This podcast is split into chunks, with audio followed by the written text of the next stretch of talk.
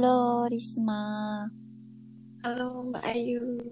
Di Jepang udah turun salju belum? Kalau di Yokohama belum ya, walaupun belum turun salju tetap aja dingin sih. Kalau di tempat lain udah banyak turun salju ya. Wah, keren ya dingin gitu. Hai. Podcast kali ini tentang apa nih? Kali ini pada tanggal 1 Januari, seorang pelajar Indonesia memutuskan untuk melakukan Hatsumode atau kunjungan pertama ke kuil saat tahun baru bersama seorang temannya di asrama mahasiswa. Oke, aku jadi pemeran pelajar Indonesia dan Ayu Chan jadi pemeran pelajar Jepang ya. Mereka ngapain aja ya? Kita mulai percakapannya yuk. Oke. Wah, 人がいっぱいですね。ここは人気の神社なんだよ。 初詣って何をするんですか？正月に神様に挨拶して今年がいい年になるようにお願いするんだよ。日本人もなかなか豆ですね。そうだね。じゃあ私たちもやってみよう。どう？ちゃんとお願いできた？はい。いい成績を取って、奨学金がたくさんもらえますようにとお願いしました。リスマちゃんなら大丈夫だよ。ついでにおみくじを引いてみようか。そうしましょ100円を箱に入れて番号をもらって、う。ここからおみくじを取るんですね。わ、中吉だって。私は大吉です。すごい。いい年になるといいですね。あとは自分の努力次第だね。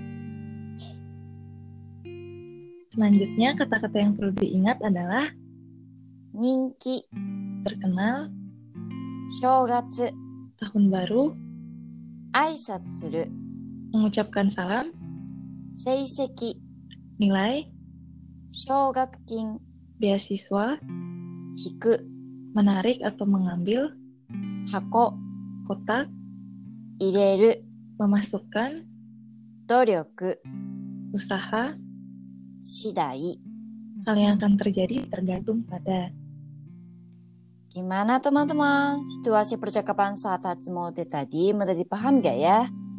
Hatsumode atau kunjungan ke kuil untuk pertama kalinya di tahun baru biasanya dilakukan pada hari tahun baru tanggal 1 Januari ya. Iya sih, tapi karena tidak ada aturan ketat mengenai hal itu, tidak masalah untuk pergi melakukan Hatsumode kapan pun dalam bulan Januari, ke mana pun dan berapa kali pun sesuai keinginan kita ya. Hmm. Oh iya, di, seperti di percakapan tadi, biasanya setelah berdoa, orang Jepang suka mengambil omikuji atau kertas ramalan keberuntungan ya. Iya, nanti di kelas kertas itu biasanya ada tulisan Daikichi, Chukichi, Shokichi, dan lain-lain. Pokoknya ada tujuh, tujuh jenis ya. Dan Daikichi itu artinya sangat beruntung. Kata-kata ini adalah istilah khusus yang tertulis di omikuji ya. Hmm.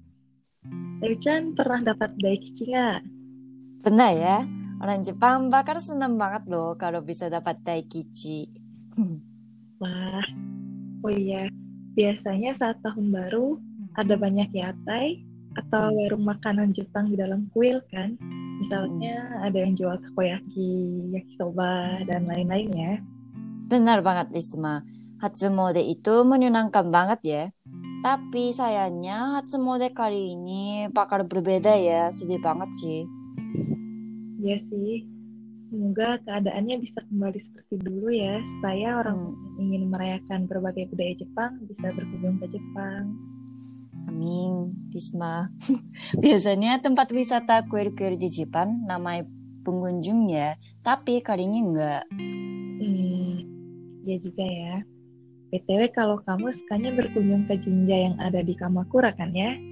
Iya Risma, karena tempatnya bagus dan dekat dari Yokohama ya. Hmm. Oh iya, ngomong-ngomong tentang Hatsumode, kalau Ayu-chan biasanya berkunjung ke kuil bisa sampai berapa kali? Hmm, aku sih bisa sampai hmm, satu atau dua kali ya. Kalau orang Jepang mungkin umumnya bakal melakukan Hatsumode bisa sampai sama sih satu atau dua kali ya. Hmm, satu dua kali aja ya. Mm-mm. Tapi ada banyak juga nggak sih orang Jepang yang saking sukanya berkeliling kuil, mereka sampai berkunjung ke banyak kuil dan mengoleksi banyak sampel dari Hmm. kuil-kuil gitu. Ada ya. Biasanya banyak yang seperti itu saat Hatsumode ya kayaknya asik juga tuh. Hmm, iya, tapi kali ini kayaknya koleksi stempel kali ini juga selesai ya. Hmm, ya sih. Semoga pandemi cepat berakhir ya.